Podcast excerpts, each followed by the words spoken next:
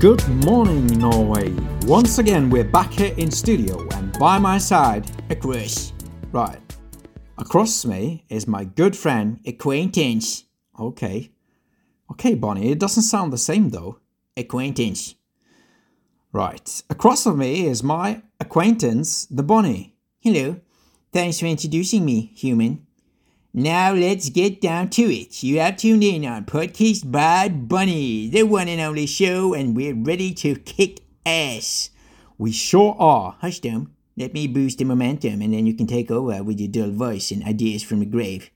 So, anyways, new morning. Any plans for today's Dome? Yeah, I, actually, I might. It's time for a commercial break.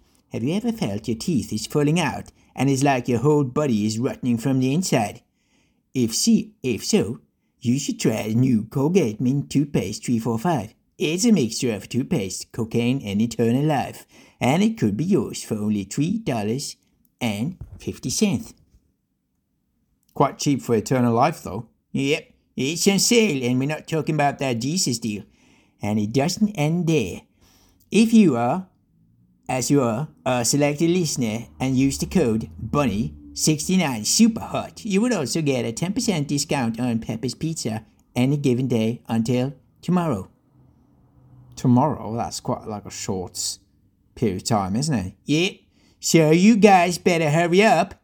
Anyway, summertime is closing in, and some people have fantasies about how great this summer is going to be, Storm. and that could happen if you have a good plan. So, what's your plan then, Bonnie? Yeah, let's start with you, human. What's your game plan, Storm? How are you going to transform this summer to be fucking awesome? Well, I'm thinking I might learn uh, to play the piano, actually. and I might learn to use a shotgun.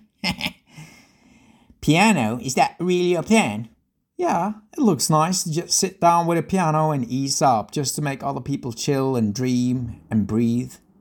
So, what you gonna play then? When you in five years' time have learned to play the piano? Oh, you little faithful bunny. Five years? I'll be up and running before five years. Okay, four and a half years maybe. Anyways, what's on your repertoire then? I think classical tunes.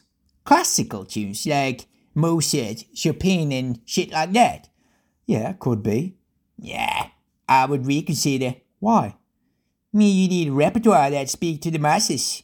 You need quality songs from artists that touch the heart and soul to human beings. Such as? Yeah, I don't know. I think I would start off with the best stuff. Yeah, Princess Nokia, Tokyo's Revenge, Childish Gambino, and Mariah Carey. You think so? Yeah, for sure, but still, even though giving you advice in life is on my top 10 list, it's time to move on to next topic.